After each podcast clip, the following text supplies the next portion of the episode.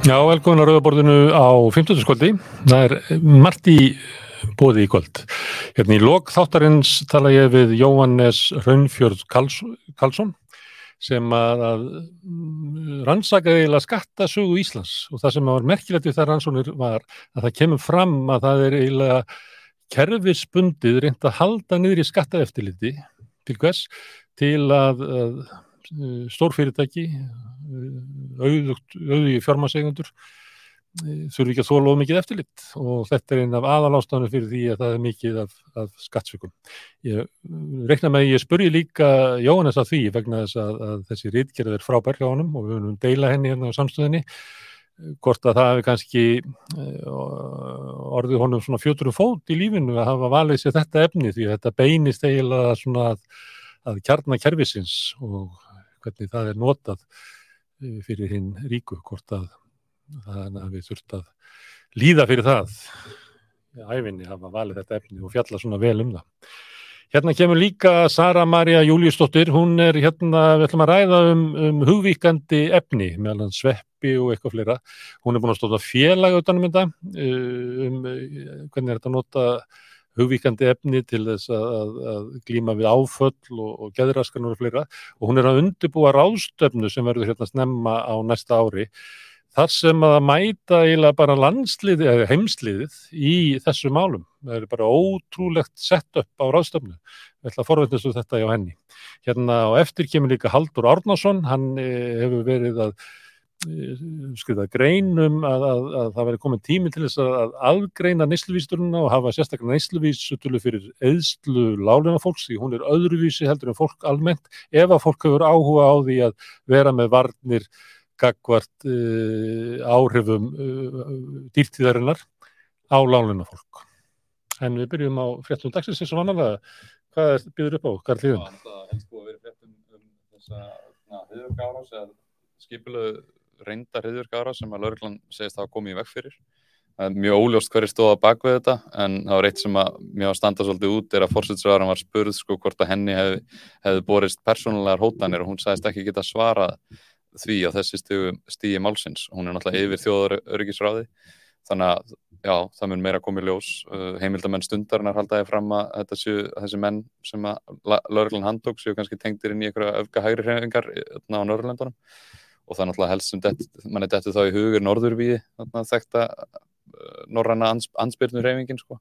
Mm. en það vonandi kemur eitthvað meira í, í sem hafa verið að líma merkinn sín og ljósastöra hér og þar já og, og komið hérna, minnur að það hefði verið 2016 sem að það komu inn sænskir norðurvíksmenn og heldur fund og lækja törkjemitt þar sem það voru að dreifa hadri í rauninni en lukkulega voru mótmæ, mót, mótmæli á mótið þeim daginn eftir, andfasísk svona mótmæli sem að gaman að sjá, mætti 200 þanga en svo meira að gerast í Íran að það eru stórar mótmæla bylgjur í gangi þar sem að spruttu upp af því að það dó ung kona í gerstluvarandi lauruglunar og mótmælendur vilja meina að hún hefði bara verið barinn til dauða af, af lauruglunni mm. og nýji fórsættisraðurann sem sagt, atna, hvað heitir hann, Írinn kannu ekki alveg að bera þetta fram en hann, hann er svona hardline uh, íhaldsmaður. Hann er búin að herða lög gegn því að, að, að konur séu sko að klæða sér vittlaust í hijab sjölinn sín eða fara svona vannverðilega með þau. Og hún var handtekinn sem sagt fyrir það. Og hún er aðgerra sinni og hefur verið. Mm. og þannig að það er ekki rostur í Íran. Já, og hvað er það að setja sig við þetta. Fólk er bæðið að berast gegn sko ríkistjóðinni en, en líka það er svona hvernig réttinda baráta í gangi greinilega. Og, og núna bara nýlega út af því að þessi mótmæli er að verða er að stegmagnast að þá eru yfirvöldun að loka á interneti á einsum svæðum og þau eru búin að loka á WhatsApp og Instagram sem eru fóröld sem fólk getur notað til þess að komast fram hjá ríkinu. Og við erum með hérna, nokkur myndbönd og þetta er, þetta er vist bara almenn sjón nokkuð um götur Íran núna ef við byrjum á þess að sem að öryggisliða eða bara íhaldsmenn sem eru komnir hérna í, wow. í svona mót, mótmæli. Kvíliða og og, og það er svona slagorð mótmæluna hefur orðið konur líf frelsi en hérna sjáum við konur sem er að klippa hárið sitt og að syngja söng til að minnast þessar stelpu sem að, sem að dó og þetta er líklega ástæðan fyrir því að, að stjórnvöld hafa lokað á Whatsapp að því að þetta er búið að trenda alveg rosalega fólk er að gera þetta til að sína stuðning sko. og konur eiga stjórnvöld vilja konur sem er sítt hár Já, og sem er hijab og það skuli ekki dyrfast að klæða sér rámt með hijabið sko. En bara maður eiginlega, þú veist, hvað getur maður gert? Maður vona bara að það degi ekki margir í, í núna því að síðast þeirra það voru mótmála alltaf í Íran 2016-18 og því byrja þegar það var lokað á netið að það fóru öryggisveitunar og, og, og drápu ófáa mótmálendur sko. Þannig að þau gera það í, í myrkrinu sko. Mm. En vonandi finnur fólk leiði til þess að mótmála? Já, og ná fram einhverju breytingum á þessu samfélagi, það ekki veitir af. Það, og það er mjög erfitt fyrir yfirvöld að halda í við teknina, það er að þróa ný forrið og koma einhverju þannig áleiðis, maður vonar að, já, maður senda þeim hverju. En svo eru kostningar á Ítalíu um helgina og bræður Ítalíu, eh, flokkur Meloni, þeir eru að mælast með 25% um fylgi, þannig að það er mjög líklegt að þeir uh, fái sigur og bítum þar. Já, já, mjög líklegt að, að hægriðum bara mali þetta. Já. Eru, þau eru með svona um helmingin af fylginu en uh, það eru kostningarnir þannig að þau bjóða fram saman í svona blokkum. Það er hérna, bræður Ítalíu eru með uh, Norðurbandalæginu hjá Salvini og, og Fossa Ítalía hjá Berlusconi og, og það eru, þau eru sko langt í, í miða við kannanir, það er endur ekki gerða kannanir svona síðustu dagina fyrir kostningarnar á Ítalíu en þau eru langt fyrir ofa það að ná meiruluta og þá verður Meloni líklega fórstisóðra og það er svona áleika tíðindi og, og já, hvað er að segja, að, að Le Pen myndi vinna fórstakostingar í Fraklandi eða að Svíþjóðademokrater eruðu með fórstisóðunitið í, í Svíþjóðs mm -hmm.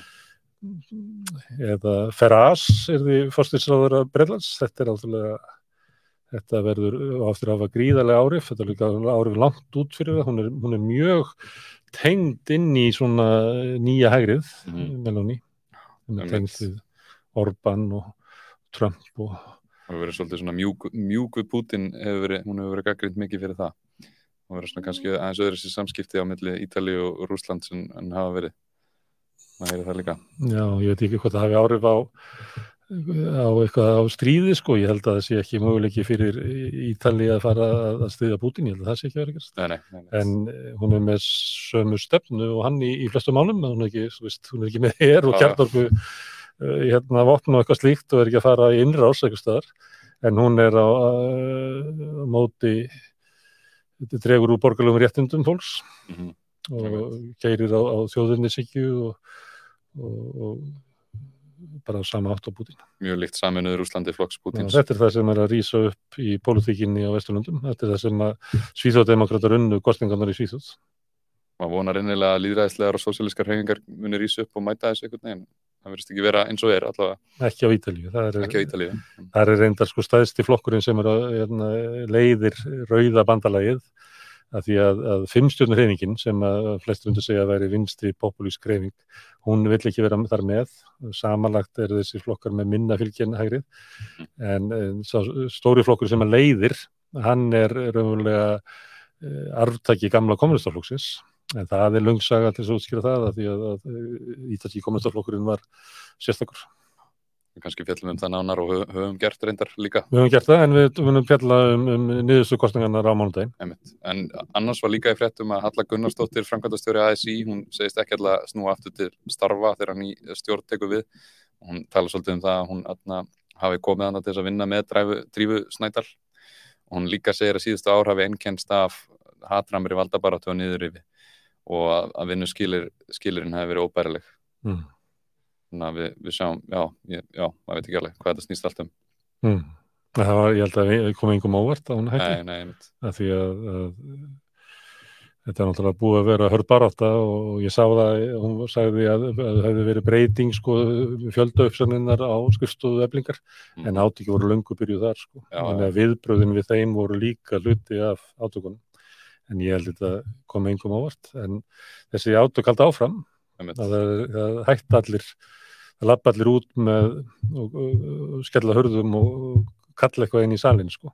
þannig það er engin Hún segir að, hún segir að þetta sé ekki gott fyrir verkefælisræðingun á Íslandi og fyrir kjör launafólks en ég get ekki séð að það sé rétt hjá henni með að hvernig Ragnar og, og Solveig hafa staðið sig að mann líst bara vel á að þau þau verður bara að þau verður bara að sanna það með verku sínum en ég held að það sé komið tími á það að nú komi verkin í verkefælisræðinguna og hérna, nú komi nógu orðum og heitfyringingum algjörlega, algjörlega.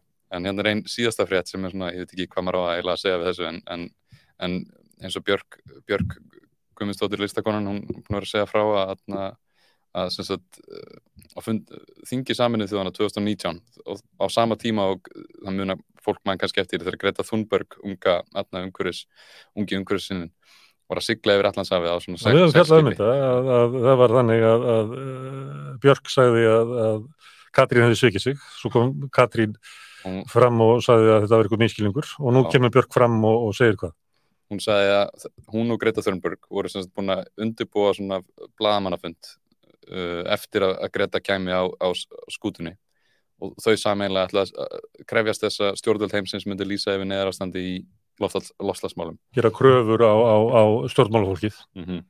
Fá svona ákveðin uh, lög og, og lagaheimildir til þess að fara í þær aðgerið sem er að fara í til þess að spórna við þessum breytingum.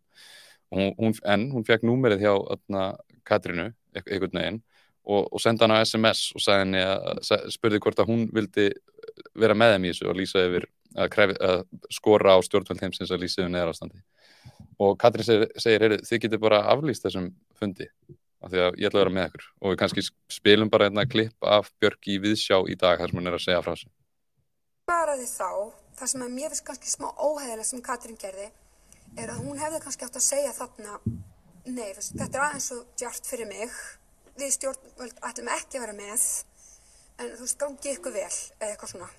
Það sem hún sagði var, heyrðu, þið getið kanselir þessum blagamannafundi þið eru ekki að halda hennar blagamannafund þegar ég ætla að lýsa þessu yfir hvort þið er í ræðinu minni á saminu þjóðanum og þá sagði ég, treysti henni og sagði, ok, ég kanselir þá bara, ég var búin að undirbúa svolítið lengi hennar blagamannafund og þá kansela ég bara mínu sem sagt mínum blagamannafund hætti og síðan beði eftir ræðinni og þá sagði hún ekki neitt.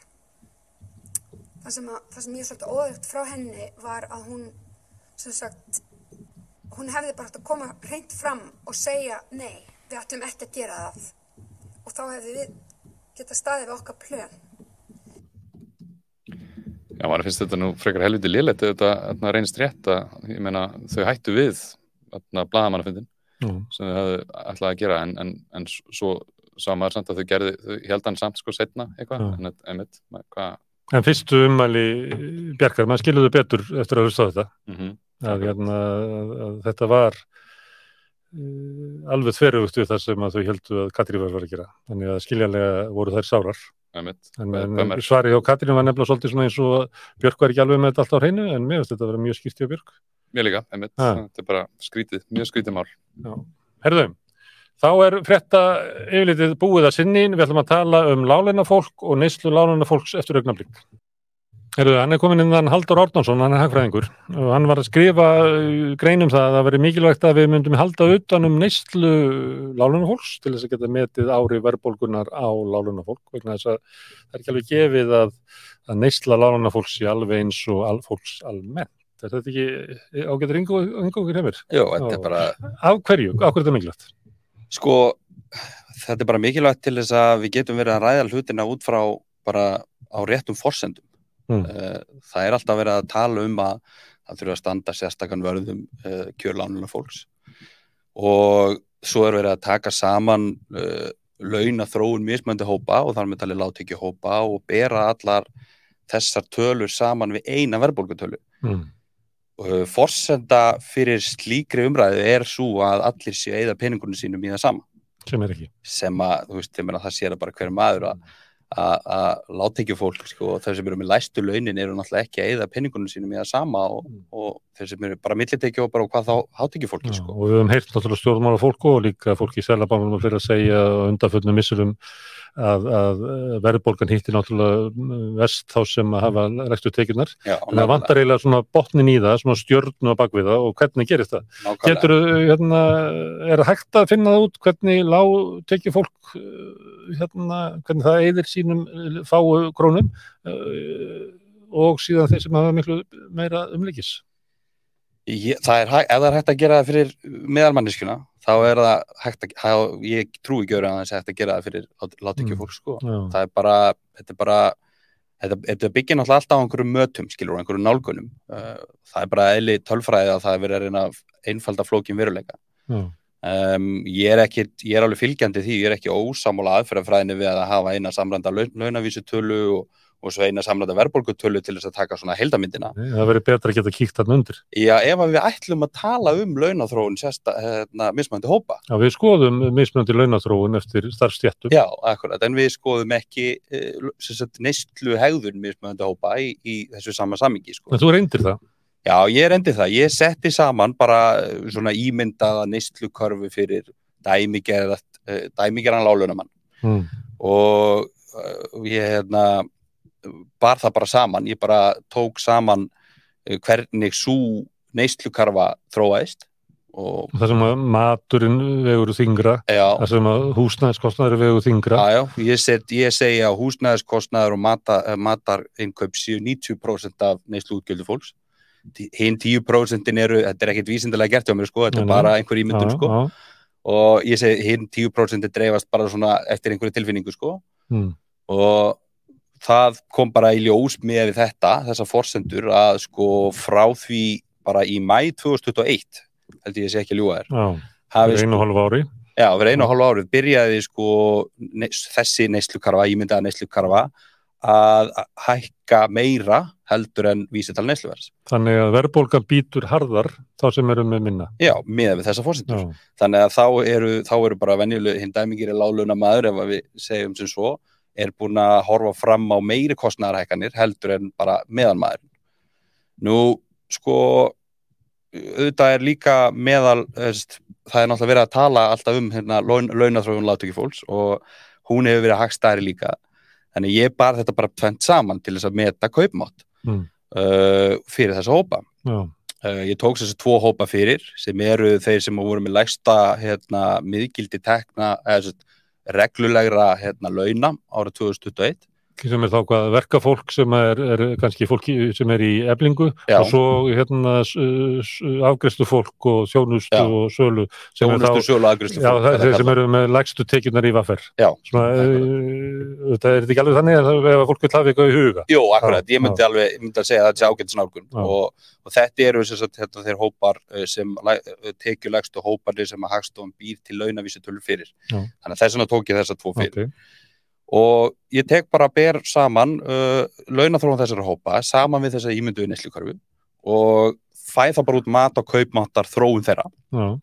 og ég er hana með undir tímabili frá janúar 2020 bara fram í e, júli í ár og reyndar eru síðustu tveir mánuðinu byggðir á spá sem ég gera vegna þess að það er ekki til sko uh, launavísi talan fyrir sérst að hérna, mismundi hópa nema bara til mæ já, hún endar, hún endar í já, mæ já. en, en launavísi talan var allan marka en þú getur nú áætlað eitthvað núna vegna þess að, að, að, að kauphækkan endur komna fram þannig að Eh, hagvakstaraukin, hann, hann hefur komið fram hérna í mæ skattabreitingarnar um áramótin, ég veit ekki út að þær eru með einu Nei, ég er nefnilega til einföldunar vegna þess að Hagstofan heldur ekki utan um ráðstöðun að tekja sérstaklega á sama formi og, og, og þess að tölur sem ég er með hér, Já. þá er þetta bara kaupmáttur launa, okay. en ekki ráðstöðuntekna en, en það er í sjálfu sér mikilvægir að kanna þetta kaupmáttur ráðstöðuntekna og og eins og ég tek hérna fram í greininni sko, þetta er bara æfing okay. veist, ég er ekki, það er ekkit vísild Þú ert að benda á þörfina að gera þetta og, og, og þú mátt ekki gera á lítiður sem þú ert að gera nei, nei, alls ekki Svona sko. mentuð ágiskun Já, er, er bara mjög hæfi umræðu þegar ekki er annað í bóði Já, nákvæmlega Og hver er þá þróunin frá mæ? Uh, sko, frá því mæ hefur, eða frá því í raun og veru september 2001 Fyrir árið síðan Já, fyrir árið síðan, hefur sko kaupmáttarþróun þessara hérna, látökjuhópa tvekja sem til fyrir með þessa fórsendur sem gefið verið lakar eldur meðamassins mm.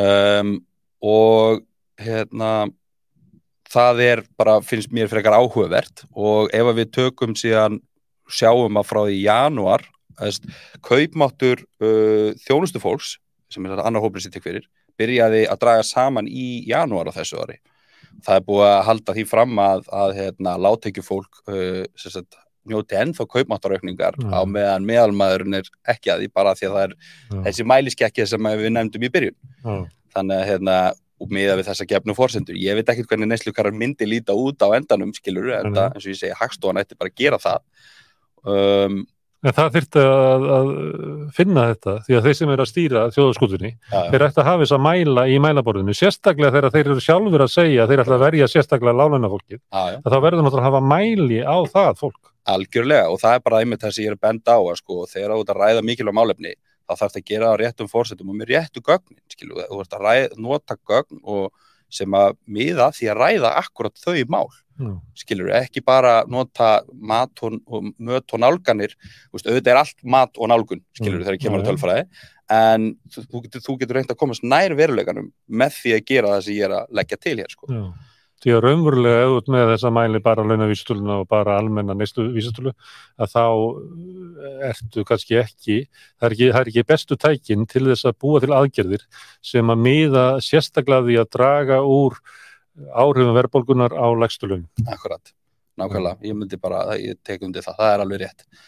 Og sko, jafnvel þó og síðustu myndinni hérna í, í, í greinu minni kemur fram að, að sko, kaupmáttu, eh, sko, raungildi kaupmáttar þessa láttekjuhópa eru Sagt, er ennþá herri heldur en meðalmannsins vegna þess að kaupmáttathróunin á fyrri tímabilinu, eh, fyrri hluta tímabilinu tek fyrir er hagstæðri látt ekki fólki með þessa fósendur en það er hérna sko þetta bara vekur, þetta, ég vona það allavega að þetta veki sko fólk til umhugsunum um það að bara ég myndi að vera að nota réttu mælitækin skilur mm. að, að hérna Vistu þið það? Frábærgrein hjá þér og, og kvartning til þess að við fáum almenlega mælitæki Eh, til þess að, að, að stjórnmálum getur staðið við það sem þeir eru alltaf að segjast alltaf að gera, það er að draga úr árufum uh, eh, verðbólgunar á þá sem eru standað veikast fyrir þeir sem eru með legstu launin.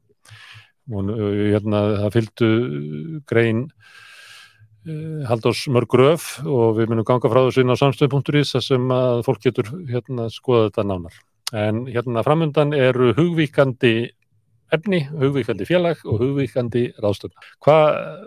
Hvernig fórst þú að hugsa um, um hugvíkandi efni, sveppi og síru og hvað þetta heitir alltaf? Já, sko, hvernig fór ég að hugsa um það? Það er náttúrulega mjög langt síðan ég fór að hugsa um það. Já.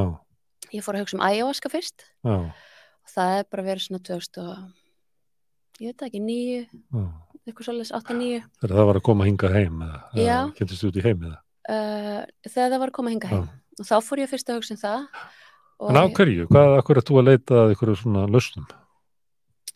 Uh, mér finnst það bara merkilegt og spennandi mm. og það sem að er svona heyrði fólk segja mm. hljómaði virkilega spennandi og, og hérna, já En alveska fyrir þá sem ekki vita, hvað er það? Ayahuasca er drikkur úr Amazonskóinum mm. svona ef ég, ef ég tala bara svona einfalt og mm. þá er þetta drikkur úr Amazonskóinum sem er blandaður úr tveim mismunandi jörtum annaði lauf og hitt er í rauninu svona vapnings hérna hérna mm. börkur og það er soðið saman og þegar þessar tvær misbrundi blöndur eru soðnar saman þá, þá verður þessi drikkur ayahuasca sem er með mikið af DMT í mm. og hérna og DMT-ið hjálpar okkur eða leifur okkur að upplifa þessar upplifanir mm. sem að Hvað er DMT? Getu, er það til ykkur öðru formi sem við getum kannast við? DMT er í öllu, það er mikið DMT í appelsinu til dæmis mm. og hérna það er sagt að þessi DMT í okkur og hérna í eða bara öllu lifandi mm. en DMT er líka ólöglegt, það er mm. svolítið merkilegt en þegar við borðum appelsinur þá eru magasýrur sem að brí, brí, brjóta niður DMT-ið mm. þannig við fá, finnum ekki áhrifin mm. en eins og ayahuasca þá er í laufinu efni sem að blokkar að magasýrurnar brjóti niður ah, og hérna og þá færðu þetta upp í heila já, bara inn í, inn í, inn í blöðrásina og gera hvað? Uh, þú hefur pröfað já, já, já og hvað gerist? það er, það er eiginlega jafn misjamt að vera mörg hmm. en það sem að gerist er að hugvíkandi hérna, það, fólk kemst í hugvíkandi ástand hmm. og, og sér sínir það Sko, já, það sér... Upplifir sjálfa sig öðruvísi í alheiminum. Fólk upplifir, sér sínir og þar sem að gerist líka er að hérna, DMT er eitt það mest bólgu eðandi sem til er. Þannig að það er til miljónir vittnisspörðum það að fólk er með eitthvað sjúkdóma, það er með krabba megin, það er hérna með hérna, vefjagikt, alls konar gikt og fer í ayahuasca og allt hverfur. Og þetta svona hefur maður séð gegnum árin, þú veist, hvernig er þetta hægt mm. svo var ég á læknarastefninu núna út í Noregi mm. og þá var hérna doktor með hérna fyrirlestur og þess að sína okkur ansökn sem að sínir uh, fram á bólgu eðandi áhrif nei, ayahuasca eða DMT mm. þannig að það finnst mér alveg ofbúslega merkilegt og, mm. og skemmtilegt að sjá fá svona sönnun fyrir því af hverju fólk læknast svona mikið af ayahuasca Já Og bólgur eru alvarlegt mál sem að... Bólgur eru alltaf svakalega alvarlegt mál og mikið bólgu ástand í maganum og líkamannum og hérna helst í hendur við eins og þunglindi til dæmis og, og, og geðræna sjúkdóma. En hvað gerist í huganum? Þetta er hugvíkandi, þetta er ekki bólgu eðandi. Já, það helst óbáslega mikið í hendur, algjörlega. Hvernig þá? Allt sem eru í líkamannum helst í hendur, Já. það tengist algjörlega, það er svolítið. Og það sem gerist í huganum er að eins og ég upplifa það, nú get ég bara að tala frá minni reynsli mm. að hérna, þar sem að ímyndunarbliðt endar núna þar byrjar eitthvað annað og þú getur ekki ímyndaðar það því að ímyndunarbliðt endar eitthvað staðar mm. þar byrjar þetta ferðalag og, og það getur verið alls konar, fólk getur farið í fyrir líf eða, eða það fer í sitt líf og getur skoða til dæmis atvöku í esku, eitthvað sem kom fyrir og fólk svona almennt fær einhverju svona yfirsýn á lífsitt og á sig og fær svona kannski dýbri skilning á sér og aðstæðum og hérna og skilur sleppur aðeins út úr svona, svona ego Já. litla heilanum okkar. Já, það er svolítið svolítið sko. Mm, þannig þetta er andleg upplöfun á þess að þessi trúalega þetta er, þetta er svona tilvistarleg maður færist til tilvistarlega og fólk svona rosalega algengt að fólk svona fari að bara svona vera rólegra, hafa meiri áhuga á náttúrunni, meiri, eftir, eftir svona reynslu meiri áhuga á mm, nær umhverfi sínu, meiri þakklæti, þú veist að hérna mm. Verður þið skáruð mannskjur? Algjörlega sko, ég held að þessi Verður engi verri mannskja og Er þetta sko, ekki výmöfni? Er enginn sem að segja, heyrðu, ég ætla að gera þetta strax aftur á morgun og gera það með meira? Yfirleitt ekki, af því að yfirleitt eru reynslunar það erfiðar og átakanlegar að flestir segja, ég geri þetta aldrei aftur. Já. En svo kannski eftir einhverja mánuði, oft eftir hálta ára eitthvað svo leist, þá segir fólk, herru, ég með langar aftur, ég er tilbúin að fara aðeins dýbra. Hmm. Þannig að hérna... Og hvað er fólk að leita eftir? Er fólk sem að leitar í þetta, er það með eitthvað vanda? Það er alls konar áföll, tráma hérna, gæðraskanir uh, ég til dæmis, sko mér leið mjög vel þegar ég byrja á mínu ferðalagi mm. en er náttúrulega með mikið tráma úr æsku og bara var en var samt ekki svona veist, mér leið vel veist, ég, hérna, kom það þá til þín eftir að þú byrjar uh, einsluna að sérðu þá betur? Bara, mér langaði bara að explóra þetta og skoða mm. þetta. Mér finnst þetta spennandi og áhugavert og ég hef alltaf haft áhuga á svona andlegum málefnum og, og hérna og átti fyllt af andlegum vinnum og, og svona bara hafði áhuga á sig mm. og fór til hérna Guatemala, ætlaði bara svona skoða og explóra og þar prófaði ég í fyrsta skiptið og þá svona fattaði ég svona já, ok, ég, ég skil að því að ég hef alltaf verið mjög harkalega móti fíknefnum og, og neistlu og var mm. bara mjög dómhörð. Og þegar ég heyrði fyrstu microdosing þá var vinkona mín að gera það svona heipa vinkona. Og Mikrodósi þá að taka þetta inn í mjög litlu sköndum Já, mikrodósi svepp í svona mjög litlu sköndum og ég manna, ég segi bara þetta er bara spiritual bypassing, þetta er bara svona heipa leið að bypassa svona.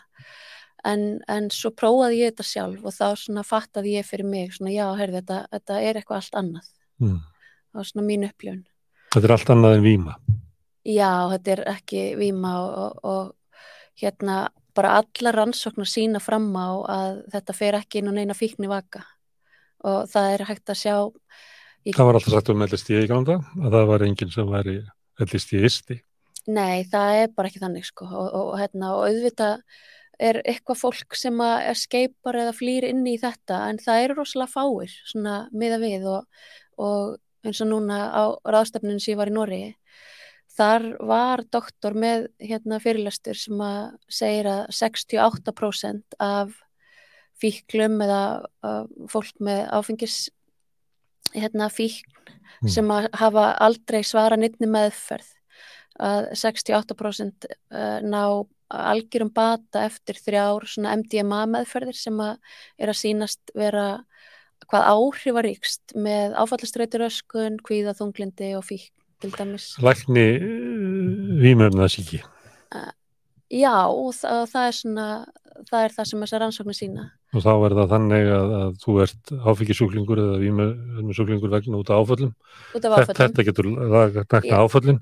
Ef að trámað hverfur úr þér þá ert ekki lengur výmöfnasjúklingur. Já, ég er, það, það er þannig sem þetta virkar að í þessu ástandi þá einhvern veginn leiða þessi efnumann á þann stað í rótina þar sem vandamálið er sem að er eitthvað tróma hérna höfnuninn að vera ekki nóg og vera ekki elskaður, ekki ástæðan að verður sem að við fáum öll eitthvað snart af, af þessari kjöf í æsku mm. og hérna er svona miservitt að vinna, vinna með það. En þetta lítur á mjög sterk upplöfun því það er náttúrulega þannig að þú getur fengið sko sterka andlega upplöfun og orðið breytt sem manneskja. Yeah. Það þarf það voru að fá þess að breyta sem manneski svona í vennilugu, það Já. þarf eitthvað sko stórgóðslegt svona endur uppstokkun á persónuleikanum til þess að breytast.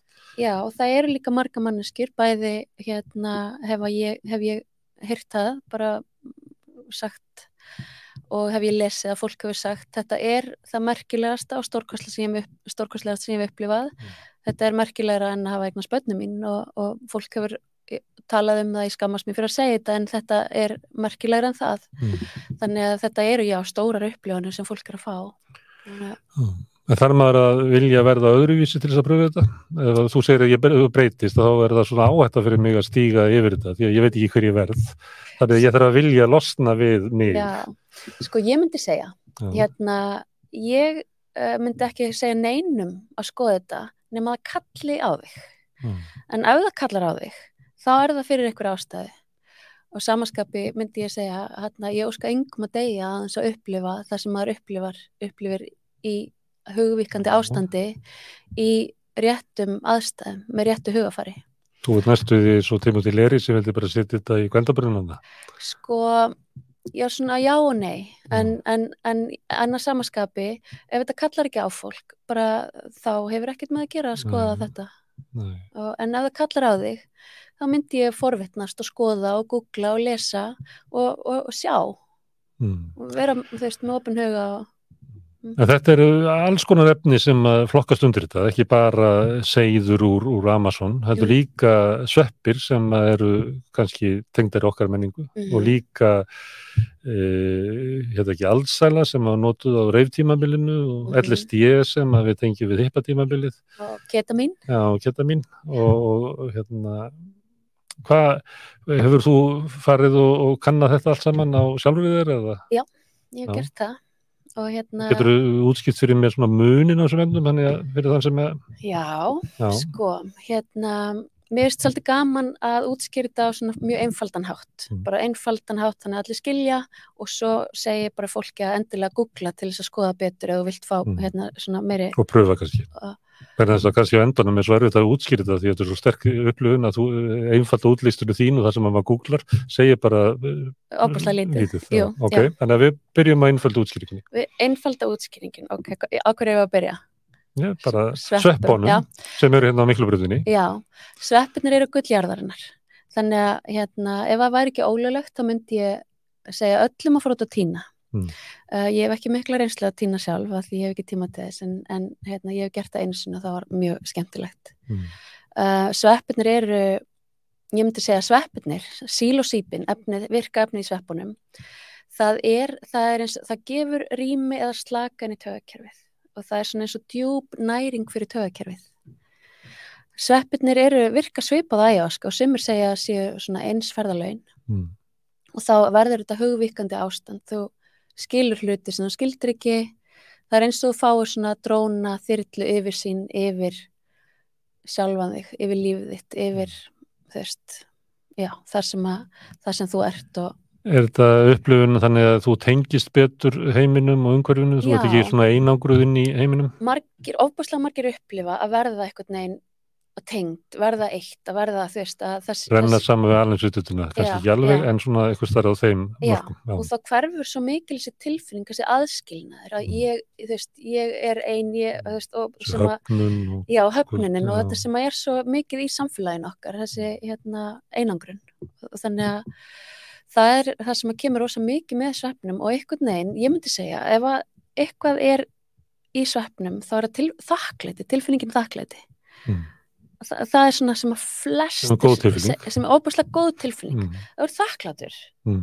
þá ertu bara svolítið glæður þannig að fólk næra sjá lífsitt öðru sig, það fær þakklati í uppljónar sem það var, voru erfiðar svona, það sér fær skilningin eður þannig að sveppurinn er svona þannig og það Og það er líka, sömur fá óbáslegar sínir, sömur sjá svona, hérna, svona sækatelik munstur og, og fraktala og þannig upplifanir, sjá hérna, ég veit ekki, anda eða einhverjar mm. verður. Getur fólk verið hrætt? Getur verið neikvæður upplifanir? Já, fólk getur verið hrætt og mm. það er það sem ég er að læra í náminu mínu að læra hvernig held ég utanum hvern sem er með hvaða efni til þess að manneskjan verði ekki hrætt til þess að hún fari ekki í þetta ástand sem að við köllum bad trip að hérna, halda þannig utanum það. Hvernig getur þú gert það? Þú ert ekki inn í huga Manneskuna sem er á ferðaleginu? Uh, ég geta með því að æfa mig að, hérna, að læra, að vera Lesa og merki já, já, og skilja efnin sjálf, líka skilja hérna, þetta er svona bara eins og fjallgöngu maður ég get ekki farið með því upp á fjall sem ég þekk ekki þannig að ég verða að þekka mm. alla leiðir í öllum veðrum og, og, og, og það er svona það sem ég er að gera mm. um, þannig að það er svona sveppinir. sveppinir Má ég áður að ferði yfir næsta það sagði mér ykkur að, að sveppinur í Íslandi væri alveg sérstaklega góður, sterkir. Já, þeir eru sterkir. Já, og þeir eru svona Best í heimi. Já, jú, jú. Og þeir eru sko, ég, en ég segja þeir eru svolítið svona eins og villitir þeir, þeir eru vildir, ah. það er til dæmis ekki hægt að rækta á það er ekki hægt að rækta íslensku sveppina. Ah. það er mögulega hægt í ykkur svona mjög fullkomni svona laboratóri en eiginlega ekki.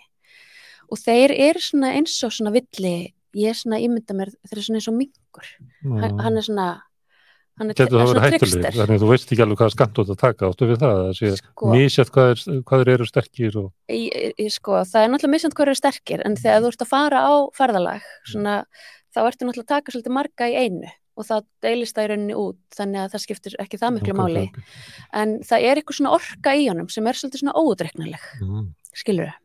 Bersekur? Já, það er alveg svolítið þannig svona.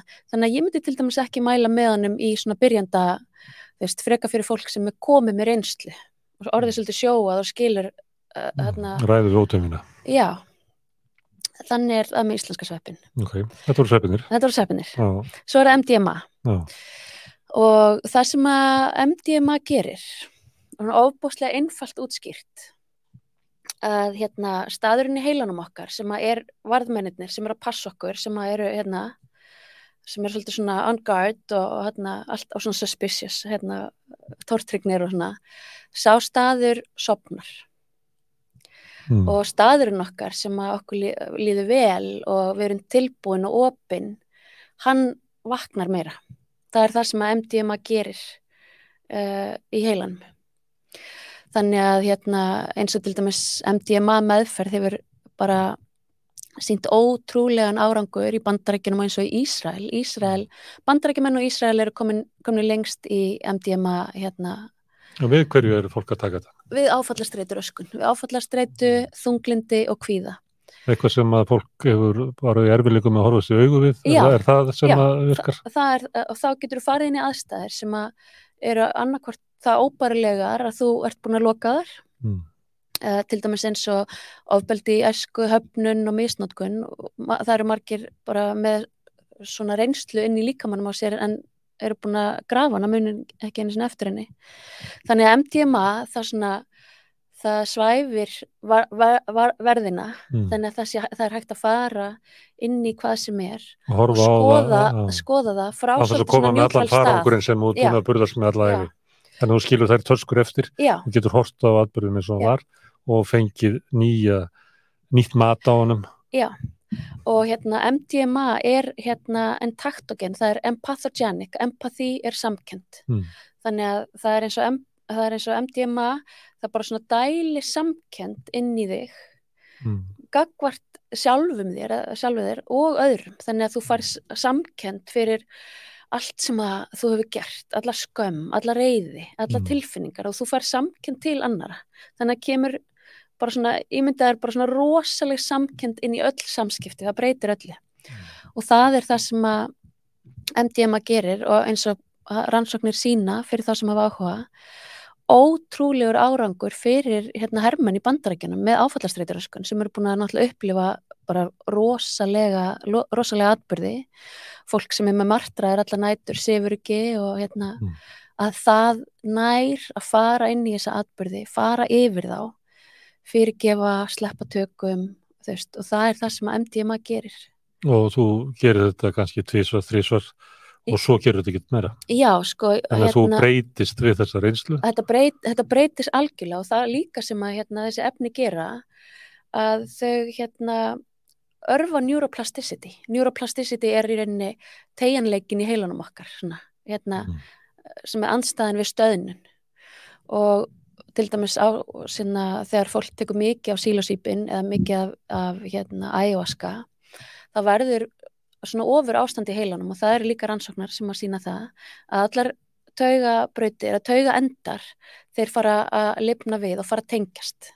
Þannig að þetta svona ekosystemið sem að heilin er það tengist betur og er í betra sambandi og samskipti og meðan þú ert í ástandinu. Svo ertu bara normála eftir. Já, svo náttúrulega eftir á þá, er, þá hafa orðið tengingar sem að til dæmis slitna ekki. Þetta er svona eins og kindastígur, búin að ganga sama kindastígin alla æfi, mm. þú veist, ég er ekki nóg góður ég er svona og mamma elskaði mig aldrei nóg mikið og hérna og síðan í til dæmis svona upplifun þá, þannig er það poppast upp úr þessum farvegi og mynda nýja heilabröð sem segir, vá, ég er bara ég er svo fullkomlega heill og ég er í lægi, ég er góður og snjóar yfir hérna þessa, mm.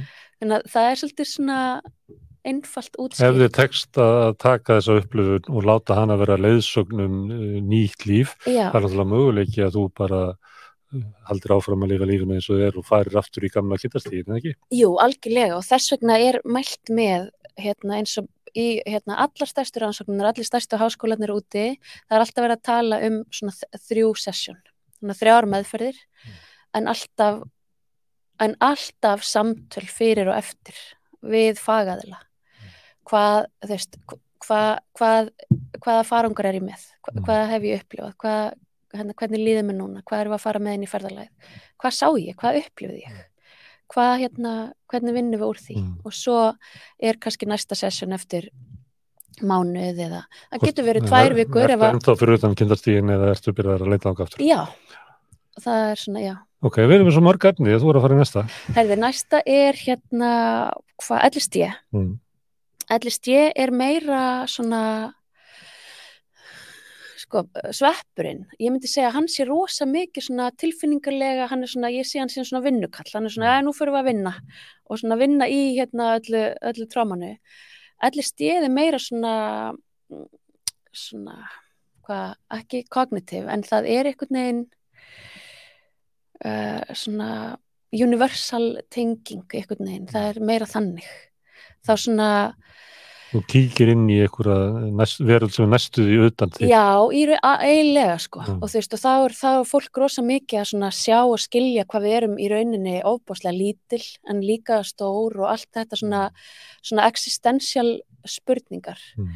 Það er svolítið mikið sem að allir stið hjálpar fólki að, að sjá og finna. Mm. Just, hver er ég og af hverju er ég, hérna, tilgangurinn og, og ekki það, það kemur alveg með sveppan líka en svona það er svolítið svona munur en allir stíðin trippið er líka miklu lengra það er kannski svona, það getur verið 7-12 tímar sem er svolítið svona mm. langt sko. en það er mikið álag á hugan já, já, það getur verið mikið álag mm. þannig að hérna það er svona kannski en þú hefur nefnt svona að, að það getur hjálpa við tiltekna hérna við tráma og, og sko, áfallastreitur og sko hvað, hérna, hver ætti að fá sér allir stíða? Hver? Ég myndi líka segja að allir stíða sér svona framhalds mm. að því að hérna þegar maður er að vinna í þerapi og svona þá er það svo erfitt að sitja yfir einhverjum kannski í 12 tíma þannig að hérna, ég myndi segja að fólk ætti að fá sér allir stíð Þau getur gert þetta einn Já, þau getur gert þetta, ég segi alltaf með einhverjum, mm. alltaf þannig að þegar hérna þú þegar makinn getur sittið yfir þér eða einhver vinnur eða eitthvað svona að þá hérna er komið að rýst koma vinn já, já. þú nennir að vera með verið í sjö tíma. Ok, Sá, hvað er næst? það er næstu ketamin. Mm. ketamin náttúrulega er notað hérna búið sjúkrás í, í verkja, verkja meðferð mm. og ketamin er meira svona dissociative. Það, og hérna sumir upplifa svona eins og er bara svona fara úr líkamann svona aftengjast eitthvað neginn ketamin er það sem að er uh, hvað virkar mest við til dæmis eins og hérna svona þegar fólk er í sjálfsvíks uh, hugsunum mm. það er, virka ketamin sterkast þar og það virka líka mikið á uh, verki í líkamann svona líkamleg, líkamleg engin og líkamleg verki svona psychosomatic enginni þegar fólk er til dæmis með Langarandi streitu eða, Já, og sko eða... ketamin virkar bara ábúslega vel á þetta allt að svipuðu svipuðu leiti, en til dæmis eins og ketamin, það er til dæmis hægt að sprauta því í vöðva, það er hægt að sprauta því í æð, eða taka það í nefið og til dæmis er ketamin notað á djamminu og tekið í nefið sem að ég skil ekki, það er mest að mjög hérna, en uh, uh, ég hef fengið ketamin til dæmis bara í hérna, sprautu í, í lærið, í vöðva og þá er það svona klukkutíma klukkutíma uh, svona eins og háls svona ferðalag þar sem að og þetta er öll þessi efni hafa eitthvað sama essens, það er að fara inn í, í rótina í, þú veist og það er bara líka minn veit hvað, hvað er að, hvað, veist, hvað kom fyrir, þannig að þetta, þetta er allt í líka mannum. Það fer náttúrulega inn í þína personu og, og þína sál eða hvað við kallum það Já. og þar leðandi náttúrulega, það fyrir ekki annað, nei, þú verður ekki önnur. Nei, þannig að öll, öll þessi efni hafa það sameilegt, sama hvað það er, að það er farið í rótina í það sem er í gangi hjá þér. Veist, það er einhvern veginn svona... Er það með fleiri efni? Sko, maður sjá, já, svo er hérna efni sem heitir DMT, mm. hérna efnið í ayahuasca, það er þetta mm. reykja það til dæmis mm. og það er kallaði spirit molecule þegar maður hérna reykir það og þá getur þú reykt það og þá ertu bara komin á bara kannski 20 sekundum Hvert? Já, það er spurning það er nefnilega það, er, það veit enginn sko Nú. hvert maður fer en yfirleitt fer fólk og upplifir eitthvað sem er merkilegt fyrir það. Og það fær að fær eitthvað svör fær að sjá eitthvað. Og svo og samanísk upplifin ykkur. Já, þetta er alltaf svolítið svona oft svona samanist og, mm. og ég myndi segja 95% af þessum reynslum eru óútskýranlegar. Mm. og það er eiginlega svolítið þannig. Þetta er fyllt náttúrulega manninum lengi Já. og þarna eru upplifanir sem eru skilabóða handan og alls konar svona þetta er flókin svona menningarlegur heimur og mm. uh, renna sama við alemsvitunduna, þetta eru upplifanir sem eru nátengdar hérna, trúabröðum og, og, og jáfnveil svona uh, pressdómi og öðru slíku mm. þannig að Já, ég menna, ég hef, ég hef setið í ayahuasca við hliðin á rosalega hörðum atheista, hvað sem er. Uh, trúlesingja trúlesingja, ofboslega harður. Já. og hann bara hitti Guð. Já. og þeir hittust og áttu Þú getur ekki haft andlega upplöfun á þess að séu trúalega upplöfun Já, já, algjörlega já, sko. og til, þú nefndir svona til tilvistarleg að flytja sig til í heiminum losna þessu frá egoinu og upplifa það raunverulega stekkara við það sem eru auðvitað það sem egoisti geti haldið. Já. Þetta eru tilvistarlegar upplifin á þess að séu beint trúalega. Já og svo hérna algjörlega og yfirleitt er þetta tilvistarlegar upplifanir og að heita Guð er náttúrulega ekki Jésu Guð sem við þekkjum úr hérna þjóðkirkjunni. Mm. Nefna hann komið til því. Já, nefna það, já. Þannig að það er líka ja, svona mísjönd og við erum mörg sko og hérna að heita Guð, hva, þvist, hver er Guð í mínu lífi? Þannig að þessi trúleysi ekki sem þú listu, hvaða Guð heitið hann? Já, hann hitti bara einhvern guð sem var einmitt bara... Guður hann. Hæ? Það er yfirlega þannig að fólk var... hitti guð sem að henda því. Já, bara einhvern guð sem að hérna var bara, þú veist, heyrðu, hvað, akkur þetta að hafna mér? Því ég er þú og þú ert ég og mm. hérna, skilur, alls konar svona. Það fólk hitt, maður þekkir ekki dæmi þess að fólk hafi hitt Guð sem að kunni kun ekki við. Sittu uppi með leiðina Guð. Það er ekki dæmi það, Nei, það Herðu, en það sem hefur verið þetta er mikið um þetta fjallátt um allan heim. Eitt af því sem hefur verið að tala um er að nú eru ykkur í alveg fullu við að finna ykkur að leið vegna þess að þetta eru náttúrulega efni mm -hmm. sem að eh, það er ekki hægt að fá engalega þessu, þetta er bara mm -hmm. til í náttúrunni. Það er ekki hægt að fá engalega náttúrunni, þótt að menn reynir það en þá eru menn að reyna að búa alls konar til að setja þetta inn í eitthvað svona meðferðaform og mikill kraftur, með rannsóknirnar á þessu eru ofta frá livjafyrirtækjunum sem er reyna að lemja þetta inn í eitthvað sem að þau geta síðan fengið einhver leif á. Hva, hvernig upplifur þetta? Á þetta að vera eitthvað sem að, að við eigum bara eiga sem fólk og almenningur og menningin okkar mm eða viltu sjá þetta þróast yfir því að verða hluta heilbíðskjörnuna? Bara bæði. Ég trú að þessi pláss fyrir bæði og bæði hérna, eigi að vera því að það er alltaf rosalega stór hérna, uh, hluti af fólki sem er hrætt við þennan heim sem er svona náttúrulegur, trúur ekki á hann og þetta er eitthvað skrítið og sjamanist og, og, og, og sá, það mun aldrei breytast hérna, náttúran hún bara sér um sig sjálf og mun alltaf halda áfram. En svo finnst mér bara frábært að þessi efni verði gerð þannig að hérna, Jón og Gunna og hver sem er mm. geti fengið að komast í þau í töfluformi og treyst á þau. Mm. Þannig að mér finnst hérna, ég trúi því að þessi pláss verið bæði. Mm. Og, og svona bara... kannski eitthvað á milli kannski.